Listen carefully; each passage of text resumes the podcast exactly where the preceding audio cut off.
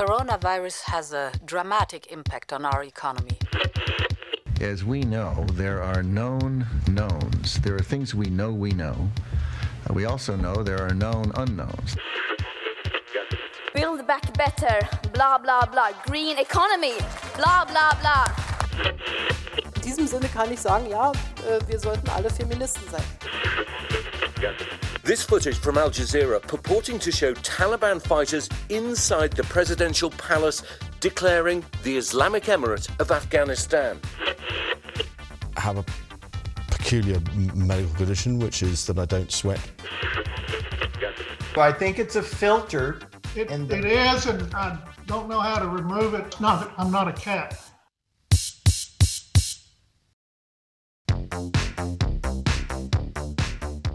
Þú ert að hlusta á heimskviður Í heimskviðum er fjallað um það sem gerist ekki á Íslandi. Ég heiti Birta Bjöstóttir. og ég heiti Guðmundur Björn Þorbjörnsson.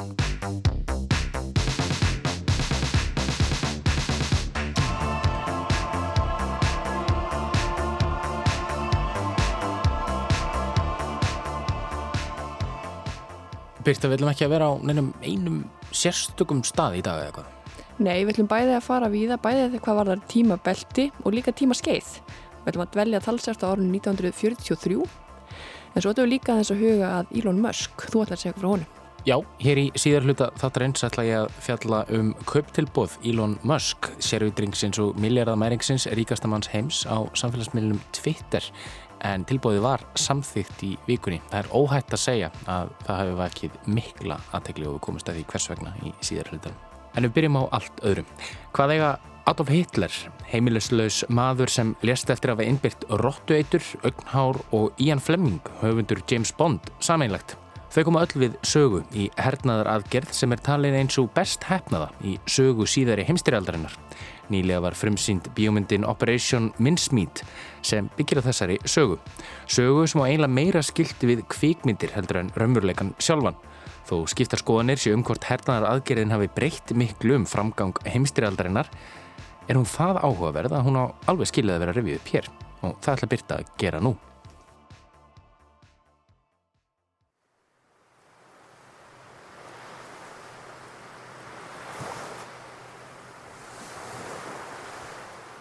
Þegar spænski sjómaðurinn Jose Antonio Rey María ítti úr vör frá smábænum Punta Umbria við strendur Andalúsíu að morgni 30. apríl árið 1943 gerði hann sér eflust ekki í hugarlund að leiðangur hans ætti eftir að reynast sögulegur.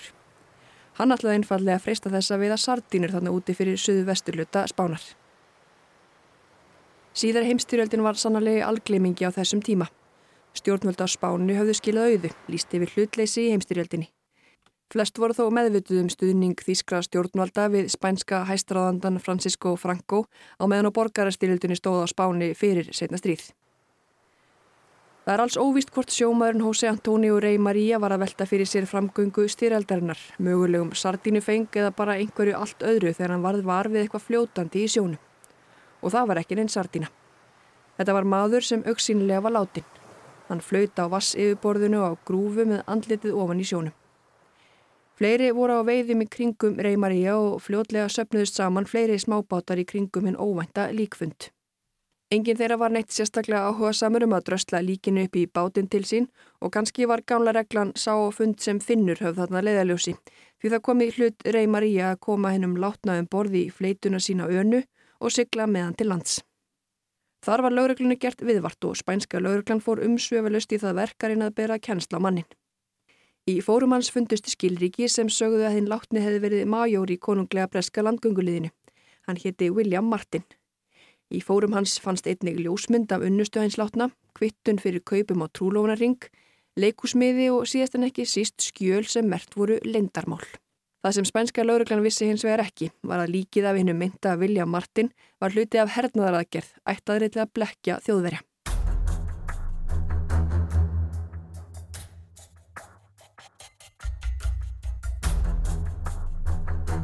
Þetta var sem fyrir segir í aprílarinn 1943. Síðar heimstyrjöldin hafði þarna staðið yfir í vel á fjórða ár. Eftir góðan árangur herja bandamanna í Norður Afríku þurfti að leggjast yfir kortið að næsta skotmarki á yfiráðarsvæði Öksulveldana í Norðri, Þískalands og Ítalji. Það voru tveir möguleikar á tekniborðinu. Annars vegar var að ráðast inn á ítölsku eigina Sigilei. Yfiráði yfir eiginu myndu ekki bara tryggja hernaðarlega mikilvæg yfiráði yfir sjóleiðinni yfir til miðarhafsins, heldur einnig auka möguleika á innrás á meginland Evrópu sunnanfrá upp Ítalíuskagan. Hinn innrásamöguleikin sem var á tekniborðinu var að ráðast inn í Greikland og inn á Balkanskagan og króa þannig þýst herlið á svæðinu og milli herja breyta og bandaríkjamanna.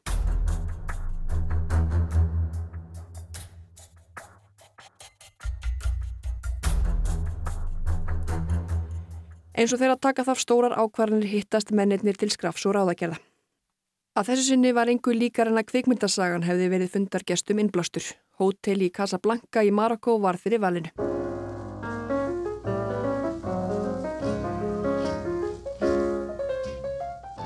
Ekki ómerkari menn en Winston Churchill, fósittisráþara Breitlands, Franklin D. Roosevelt, fósitti bandaríkjana, þáverandi hersöðingin og verðandi fósitti og fósittisráþara Fraklands, sjálfstu gó og fleiri góðir menn. Jósef Stalin leiðtói Sovjetríkjana bóði forföll. Hann aði nógu að snúast heima fyrir þar sem orustanum Stalingrad stóð enn. Margar ákvarðanir voru teknar á þessum fundi sem snýru aðalega að næstu skrefum í stríðsrekstinu. Og þarna var líka ákveðið að af áður nefndum næstu skrefum í hernaði bandalagstjóða var ákveðið að ráðast á Sigilei. Aðgerðin bara yfirskriftina Operation Husky, Husky aðgerðin. Casablanca fundun fór fram í janúar og ákveði var að Husky aðgerðin ætti að vera komin til framkvæmda ekki síðar en í júli sama ár 1943.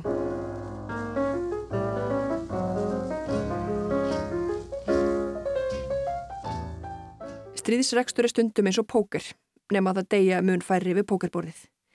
Þegar áform liggja fyrir um að ráðastir í land hlýtur að vera grunnmarkmið þeirra sem higgja á innrás að innrásin komi á óvart að óvinna hérinn nái ekki að við búast og undirbúa sig eftir öðrum leiðum. Hluti af höski áalluninni snýri að því að villa um fyrir öksurveldunum. Látaði haldað Balkanskæin væri næsta skotmark en ekki sikilei. Sú aðgerð, undir aðgerð höski áallunarinnar, var kölluð Operation Barclay, Barclay aðgerðin. Dass ich anständig meine Zeit verwendet habe im Dienste meines Volkes, gib du jetzt eine Stimme ab.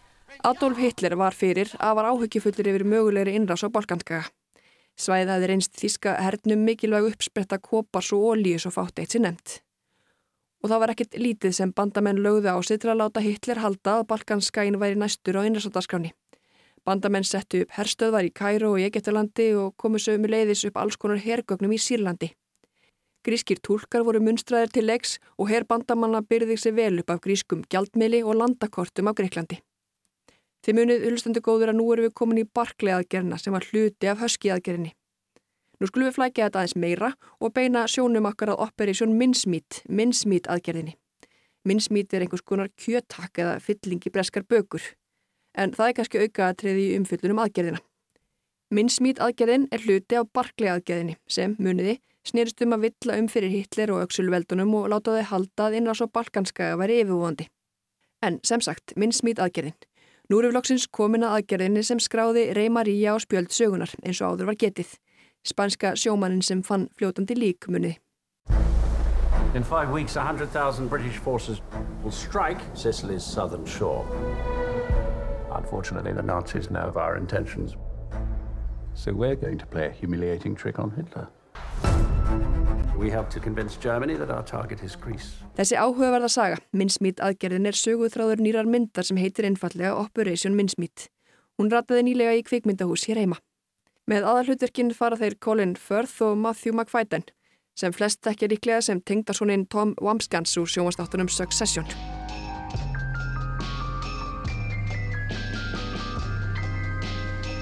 Hann fer í myndinni með hlutverk Charles Tumondeli Hermanns í flug herr breyta sem munstraður var í M15, reynið þjónustu Breitland sem hafi innanríkismál á sinni könnu. Colin Firth leikur í myndinni Júan Montagu. Sá var lögfræðingur og ráðgjafi englandskonung sem þá var Georg Sjötti. Það er einnig gaman að geta þess að Colin Firth hefur einmitt sjálfur leikið Georg Sjötta. Það gerðan eftirminnilega í kvikmyndinni The King's Speech og fekk meira segja Óskarsverðan fyrir.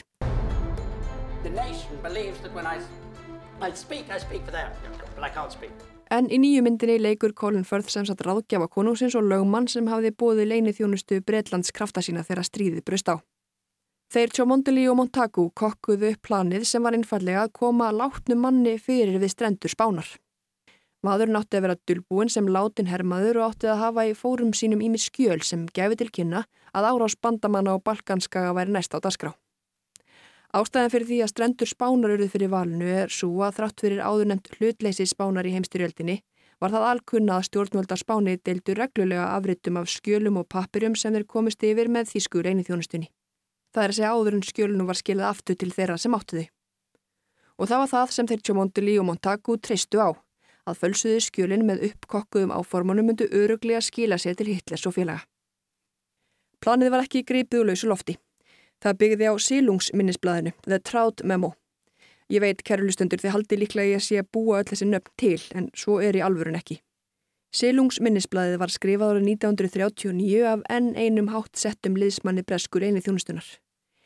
Minnisblæðið er í 54 liðum þar sem tíundið er aðferðafræði við að blekja andstæðingin með ýmsum tiltakum ráðum í hernaði. Svona alveg eins og sílungsveiðimaður reynir að leggja flugur og net fyrir bráð sína. Við skulum koma stuttlega aftur við í kvikmyndasögunni. Leinið þjónustu maðurinn sem skrifaði sílungsminnisblæðið naut liðsinis aðstofamann síns að mjög miklu leiti. Aðstofamadurinn hétt Ian Fleming.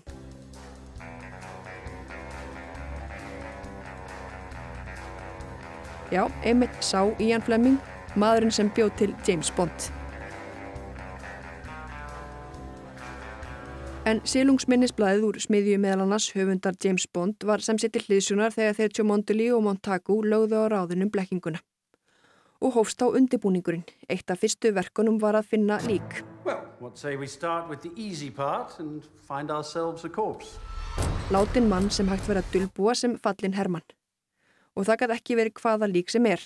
Það varð eðlið málsins sangvært að vera karlmaður. Karlmaður á herskildu aldri. Þá var það lítið út fyrir að hann hefði endað í sjónum þegar flugvilans brotlendi. Þeir félagar nutu liðsinis meinafræðing sem sagði þeim að þó að það ætti að líta út fyrir að maðurinn hafi dái í hafinu þyrrt hann ekki endilega að hafa vatn í lungunum. Þau sem deyja í flugslisum á sjó ná ekki alltaf að drukna. Þá taldi meinafræðingunni sömu leiðist heim til framdráttar að kathólskir spánverðar væru ekki mjög hlindir krupningum nema í algjörum undatekningatilfellum, svo dánar orsök líksins þyrti ekki að vera nákvæmlega svo sama og eins meinta Hermanns. Og það var hún sannarlega ekki. Rottueitur var banamein heimilislausa mannsins sem kvildi í líkúsin í Lundunum. Aðalegarinn í þessari fléttu sem hafði enga hugmyndum þátt sinni hernaðar aðgerðum fyrir andlatið hétt Glindur Michael og hafði búið á götunni í nokkuð tíma. Engin hafði komið til að vitja hins látna, hann átti enga skráða ættinga og var eiginlega bara einn í heiminum. Þeir Tjómonduli og Montago hefðu áhaugjur af því að magur líka með flækingsins var í ótrúverðugur sem hermaður. Hann þótti enguða síður áriðlegasti kosturinn og var valinn til verksins. Meinafræðingun félst á að geima líkið og meðan allur fylgi búnaður Hermannsins er undibúin en varaði við að þeir hefðu aðeins þrjá mánuði. Eftir þann tíma færi líkið að láta á sjá þó það væri geimt í kæli. Og þá var hafist handa við að búa til persónlega sögu Hermannsins Williams Martin. Það þurfti að finna honum trúverðu að hillu í virðingastega breska hersins. Hann varð að vera það hátt settur að honum væri treyst fyrir leyniskjölum en ekki það hátt settur að allir ættu að þekkja nafnið hans. En hann mátti ekki líka bara vera hermaður, hann átti auðvitað að eiga líka eitthvað engalíf. Því var komið fyrir ljósmynd af meintri unnustu hermannsins. Skrifstofu stúlkan hjá leini þjónustunni M15, Jean Leslie, gaf ljósmynd af sér á ströndinni til verkefnisins.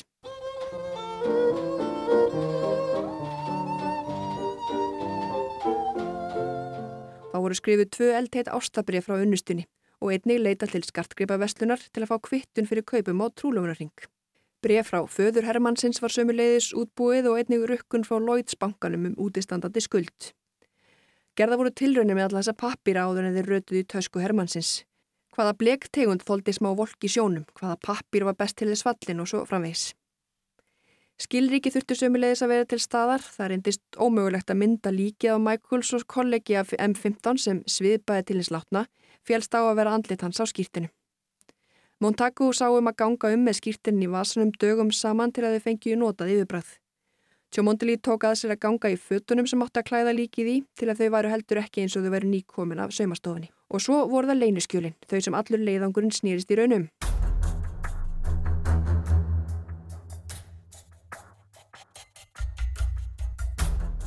Skjölin voru bref á milli hátsettra breskra og bandarískra herfóringja um næstu skref og áallanir í stríðinu. Samskiptin áttu, þrátt fyrir að vera skrifið undir rós, að gefa sterklega til kynna áform bandamannum að ráðast inn í Greikland. Þar var meðal annars að finna bref frá flótafúringjanum Mountbatten Lávarði, frænda Filipusar heitins drottningamanns í Breitlandi.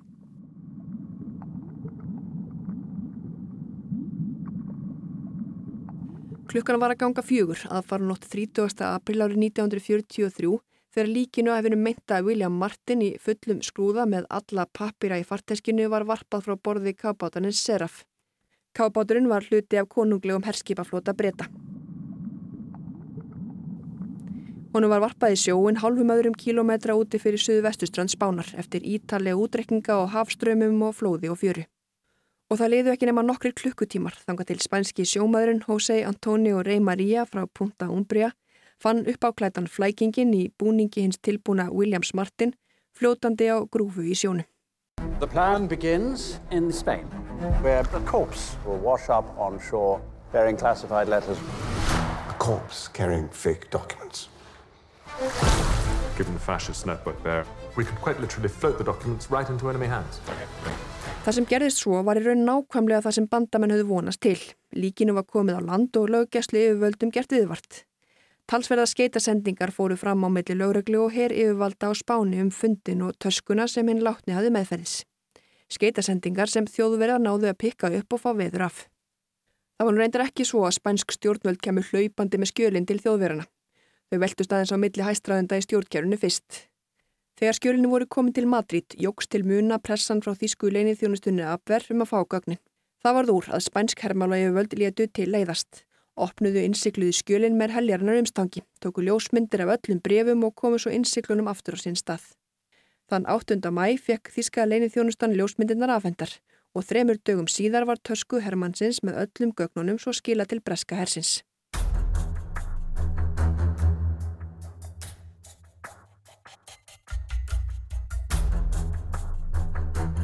Það vantaði ekkert upp á handbraða spánverjana þegar koma því að láta líta út fyrir að ekkert hefði við átt við innsikli brefana. Það sem staðfesti eins vegar grun og líka von breska hersins um að brefin hefði verið lesin var augnhár. Hluti af undibúningnum við að pakka í töskuna fyrir fljótandi hermannin var að koma fyrir stöku augnhári inn í innsikluðum brefunum. Augnhár sem helst í umslæginu ef það er ekki opnað en fíkur á brott án þess að nokkur taki eftir síu brefin opnið. Augnhárið var á bak og burt þegar breytandi fengu brefin aftur í hendur. Um meðan mæmánuð fekk Winston Churchill fórsetisráður að Breitlands skeiti frá leinu þjónustunni sem í stóð minnsmít, gleifti, veiðistöng, línu og sökku. Sem sagt, minnsmít áallunin sem byggðu var á sílungaminnisblæðinu muniði, tókst. Já, gjörningurinn tókst en hafði aðgerðin einhver áhrif á framgöngu síðar heimstýraldarinnar. Það fennum kannski eftir því hvaða sakfræðing þú spyrð en þjóðverðar trúðu hinnum upploknu áformum. Umtalsverður herstyrkur var fluttur frá Sikilei og yfir á grískar eigjar í nákvæminu til að auka viðbúnað vegna mögulegar innrásar bandamanna.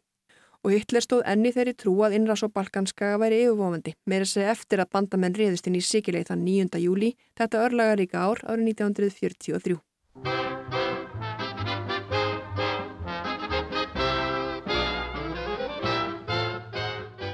Í kjölfar innrásarinnar var Mussolini steft af stóli fórsetisráðar Ítali og ný ríkistjórn og friðarviðræður við bandamenn. Minnsmít aðgerinn þykir af að hefnast með eindamum vel, hefur meirað að segja verið líst sem einni best hefnuðu hernar aðgerð síðar í heimstýrjaldarinnar. Það sé þó kannski ekki alfarið henni að þakka að bandamenn hafi náð síkilega á sitt vald og þráhyggja hitlerskakart utan að komandi ógn á balkanskaga var tilkomin laungu áður að breski herin fór að falsa skjöl sem gáði til kynna yfirvofandi árástar. Um hernaðalegt mikilvægi minnsmít aðgerðnar skar ekkert fullirt um hér, en sagan er allavega áhugaverð og óvinnileg.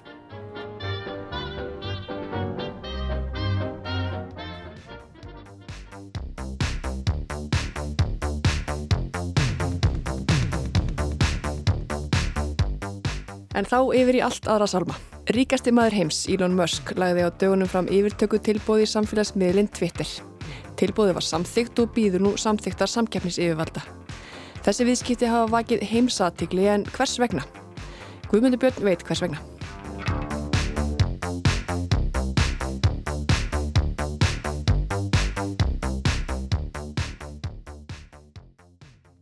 Við erum stött í Kvítahúsinu í Washington DC upp í pontugengur Jen Psaki, upplýsingafulltrúi Joe Bidens, bandarækjafórseta. Well, I'm not going to comment on a specific transaction. Uh, what I can tell you as a general matter, no matter who owns or runs uh, Twitter, uh, the president has long been concerned... Ég ætla ekki að svara spurningum um einhver ein ákveðin kaup, segir Saki. En ég get sagt ykkur á almennum nótum, burt sér frá því hver á Twitter að þá hefur fórsetin lengi haft áhyggjur af því hver mikil völd eigundur stóra samfélagsmiðla hafa. Uh, ha the power they have over our everyday lives has long argued that tech platforms must be held accountable for the harms they cause. Hún bætti því við að fórsetin hefði sömulegðis áhyggjur af því hver miklu stórir samfélagsmiðlar stjórna í okkar daglega lífi og að fórsetin hafi lengið haldið því fram að samfélagsmiðla reysarnir þurfa að taka ábyrð á þeim skafa sem þeirra valda. Hmm. Þetta er áhugaverð ummæli en ættu kannski ekki að koma á óvart. Tæknir ísar á borð við Meta, móður fyrirtæki Facebook, Instagram og Whatsapp og Google hafa lungum sætt gaggrinni. Ekki aðeins fyrir að stuðlað slæmum áfunum nótenda sinna, heldur líka fyrir að stjórna því hvernig við beinlýnis högum okkur, hvað við kjósum og hvaða þjóðfélags hópa við fyrirlítum. Því það ekki þetta allt saman hlustendur góðir. En svo er það samfélagsmiðlinn Twitter sem hefur notið síaukina vinsalda á síðustu árum þar á meðal hér á landi. Eigenda skipti eru framöndan hjá Twitter og það var ástæða þess að samfélagsmiðlisins er nú á allra vörum og það í sjálfu kvítahúsinu líka. Já, því um miðjan mánuðlagði Suður afríski miljardamæringurinn fjárfestirinn og ég leiði mér að segja furðufuglinn Elon Musk fram kauptilbóð í Twitter sem hljóða upp á litla 44 miljardar bandarækjadólara. Eftir að hann hafði skömmu áður egnast 9% hluti í miðlinum og orðið þannig stærsti einstakil hlutafi þess. Gangi kaupin eftir mun Musk taka fyrirtækið af hlutabræðamarkaði en kauptilbúið býður nú samþykkis samkjæfnis yfirvalda. 44 miljardar bandarækjadólara eru 5.700 miljardar íslenskra króna. Það er tvöföld landsframleðisla Íslands og var langt, langt yfir markasverði fyrirtækisins. En hvað fær mannin til að gera þetta? Til að eigða svo miklum fjármunum í að kaupa miðil þar sem fólk veriðist gera lítið annað en að rífast á. 44 billion dollars. Imagine, imagine having so much money you think it's a good idea to buy hell. Ég myndi að þeirra að þú heyr svo mikið af peningum að þeir þykja það góð hugmynd að kaupa sjálft helvíti, komst grínistinn og þáttastjórnundin James Corden að orði í vikunni. Já, kaupin hafa vakið gríðarlega aðtegli fyrir margra hlutasakir en aðalega vegna þess hver kaupandin er.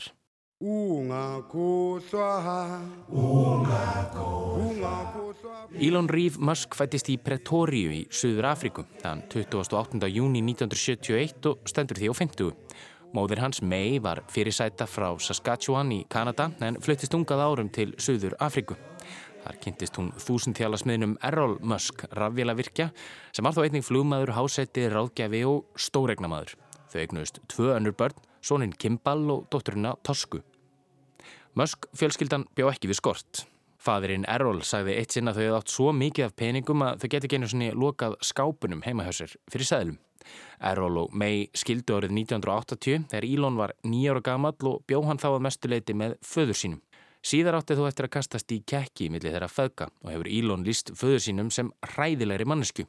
Í viðtali við Rolling Stone frá árinu 2017 Saði Musk að fadir sinn væri reynd og beint vondur maður. Aðspörður um hvort fadir hans hafi beitt hann ofbeldi svaraði Musk því neitandi en bætti því þú við að bladmaðurinn hefði þó enga hugmynd um hversu ólýsanlega mikil drullusokkur fadir hans væri. Svo mörg voru þau orð. Sjálfur virðist þó Errol gamli ekki bara sama kala til svona síns en í sjómarps viðtali fyrir nokkrum árum lísti hann því þó yfir að hann hefði áhyggjur af Elon sinni sínum.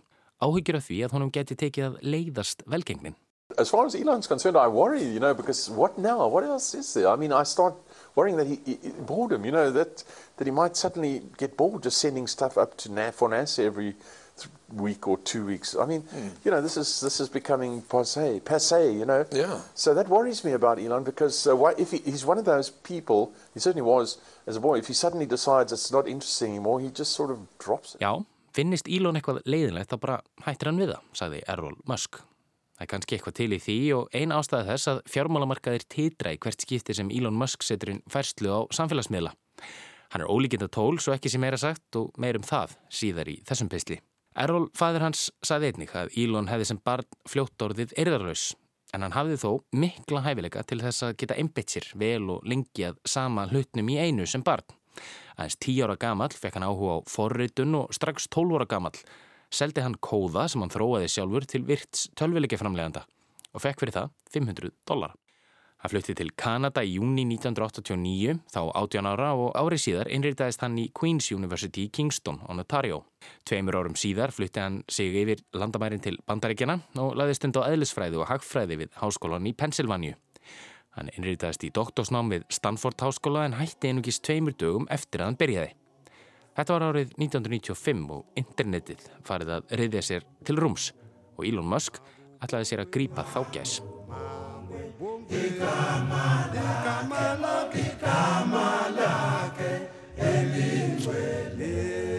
Og það gerði hann. Sama ár og hann hætti í doktorsnáminu stopnaði hann á samt bróður sínum Kimball hugbúnaðar fyrirtækið SIP2. Fyrirtækið var fjármagnað af svo kvöldum englafjárfestum en englafjárfestar eru fjársterkir einstaklingar sem fjárfesta í nýjum verkefnum sem þeir hafa mikla trú á og koma því snemma að verkefnum í þróunarferlinu. Musk átti því eins 7% í fyrirtækinu og áður en það náði nokkru flugi var vist hart í ári hjá þeim bræðurum. Elon hefur greint á því að hann hafi sofið á skrifstofunni þar sem hann hafi ekki efnaði að leia sér íbúð og deildi þeir bræður saman einni vinnutölvu. Ef þeir gátt ekki komið sér saman um viðskipta ákvarðanir, já þá glýmdu þeir til að komast að niðurstöðu. En ákvörðun þessara englafjárfesta átt eftir að borga sig. SIP 2 var keift af hugbúnaðarreisunum Compaq fjórum árum síðar fyrir 307 miljónir bandarækjadólara og fekk Musk litlar 22 miljónir í sinnhlutt. Hann var loksinsórðin miljardamæringur, 28 ára gamall. Í sjónvarpstætti um unga miljardamæringa frá árinu 1999 fylgjast þáttastjórnundur með því þegar Musk tekur á móti bíl sem hann var að kaupa sér, McLaren F1 bíl, sem kostiði litla eina miljón dólara. Just three years ago, I was showering the, at the Y and sleeping on the office floor. And now, obviously I've got a million dollar car and Bara fyrir þremur árum fór ég styrtu hjá KFM og svaf á skrifstofugólunu. Núna er miljón dollara bíl, sagði Musk. Já, og auðæfin áttu bara eftir að aukast. Í kjölfarið stofnaði Musk greiðslu þjónustuna x.com sem saminæðist svo í PayPal sem lifir enn góðu lífi.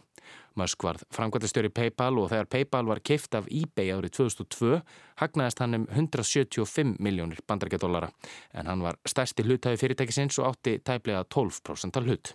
Þekktastur er þó Elon Musk fyrir að eiga meiri hluta í fyrirtækinum SpaceX og Tesla.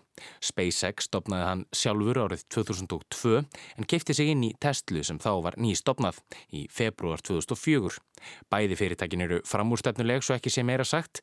Tesla er rafbílaframleðandi sem eru náð undraverðum árangri á undanförnum árum.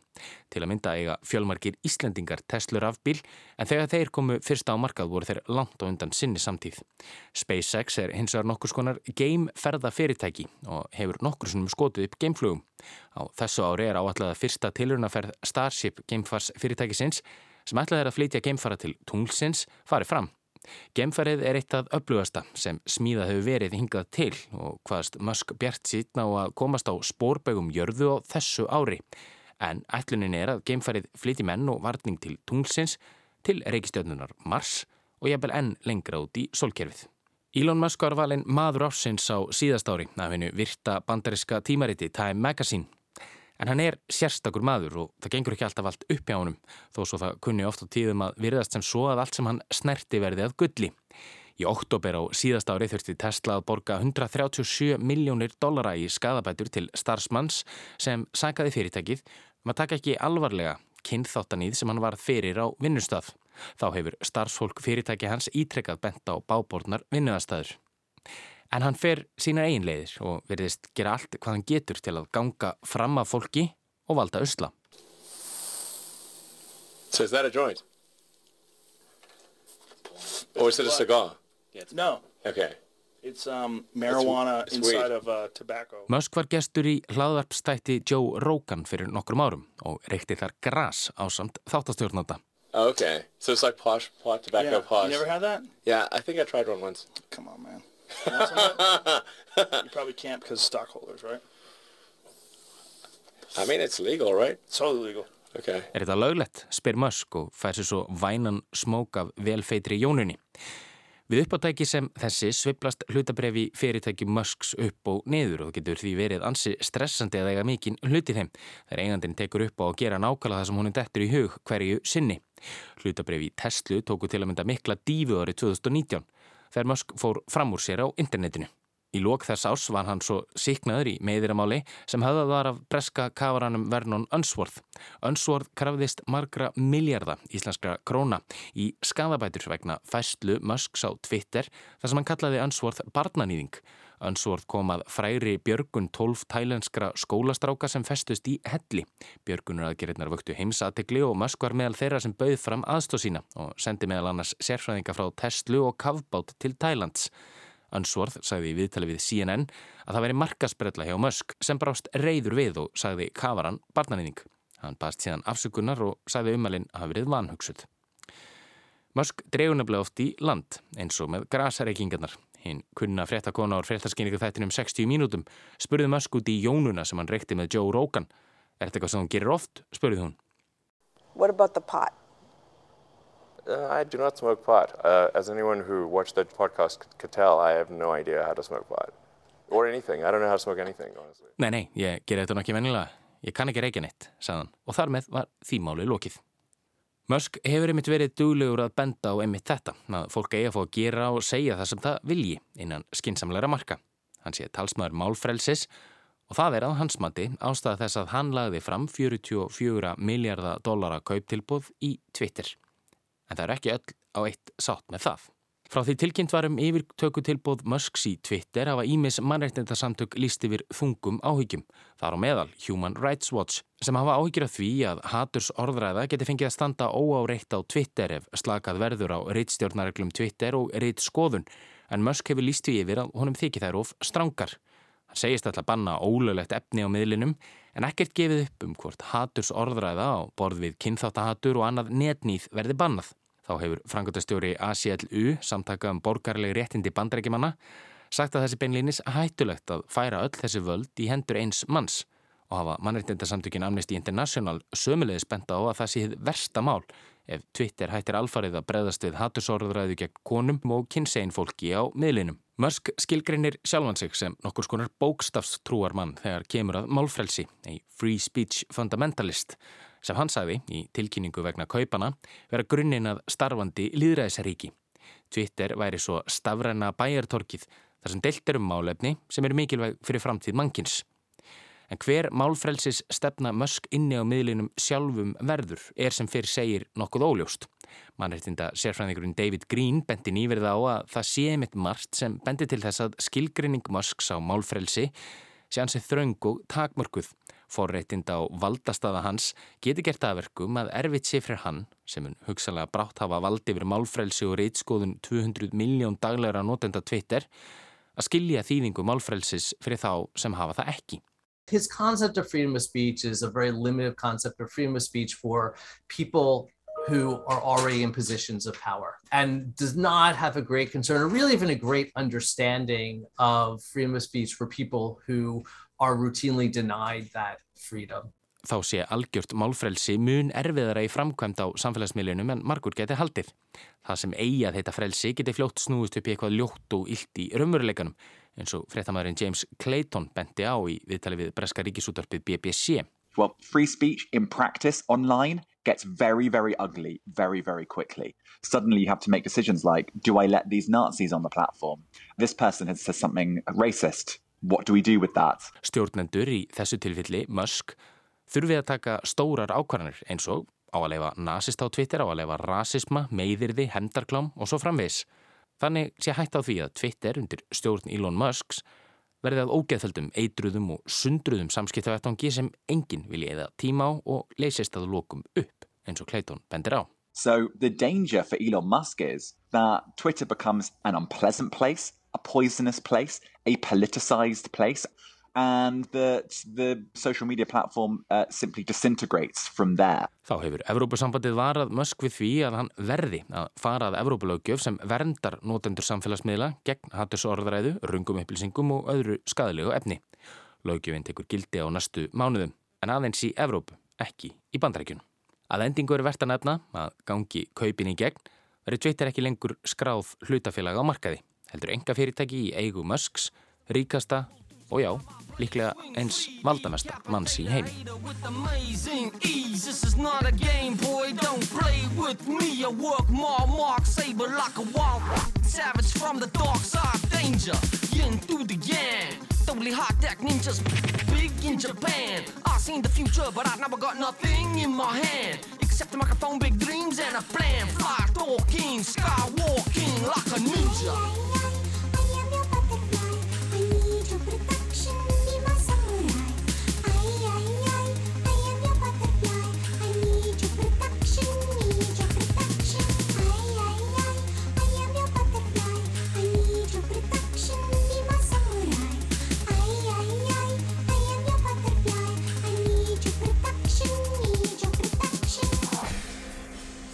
This is like the coolest song I ever heard in my whole life.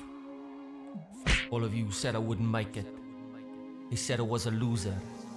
They said I was a no one. They said I was a psycho. But look at me now, all up in the interweb. Worldwide, 2009, Futurista. Enter the ninja.